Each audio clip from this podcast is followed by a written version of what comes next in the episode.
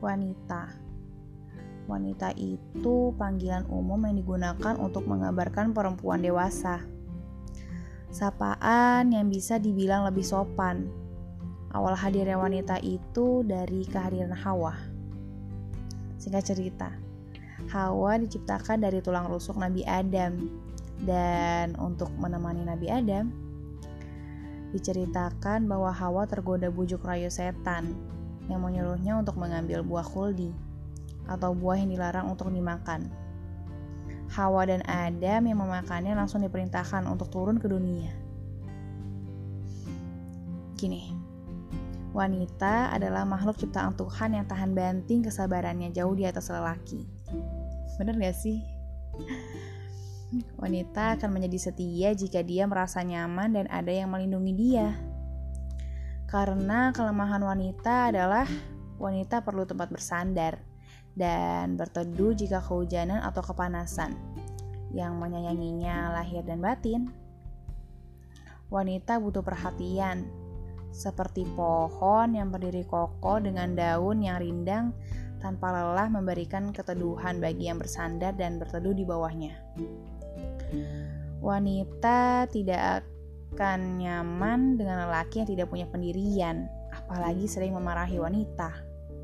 Ibarat perahu dengan penumpang dan nahkodanya. Jika penumpangnya adalah wanita, maka nahkodanya adalah lelaki itu sendiri. Penumpang akan nyaman jika dia tahu nahkodanya akan membawa dia ke mana. Ya, mempunyai tujuan gitu. Saat badai menerpa di tengah laut, kehidupan di situ.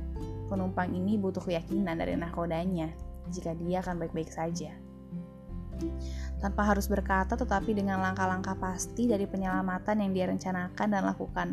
Maka penumpang ini akan percaya kalau dia ada di perahu yang tepat.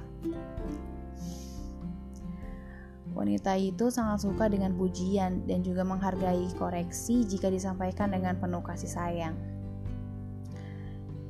Wahai wanita, jadilah wanita yang berbudi pekerti baik atau mempunyai attitude yang baik dan jadilah wanita yang terpelajar. Dan yang paling utama, jagalah kehormatan wanita. Jangan mau dianggap lemah oleh para lelaki. Janganlah menjadi wanita yang hanya terobsesi dengan kecantikan saja. Ya, gini, karena dunia terlalu sempit jika kamu hanya terobsesi untuk menjadi cantik. Kecantikan tidak akan abadi. Contoh pelangi Pelangi itu cantik sekali, tapi munculnya hanya seketika lalu pergi begitu saja. Kenapa?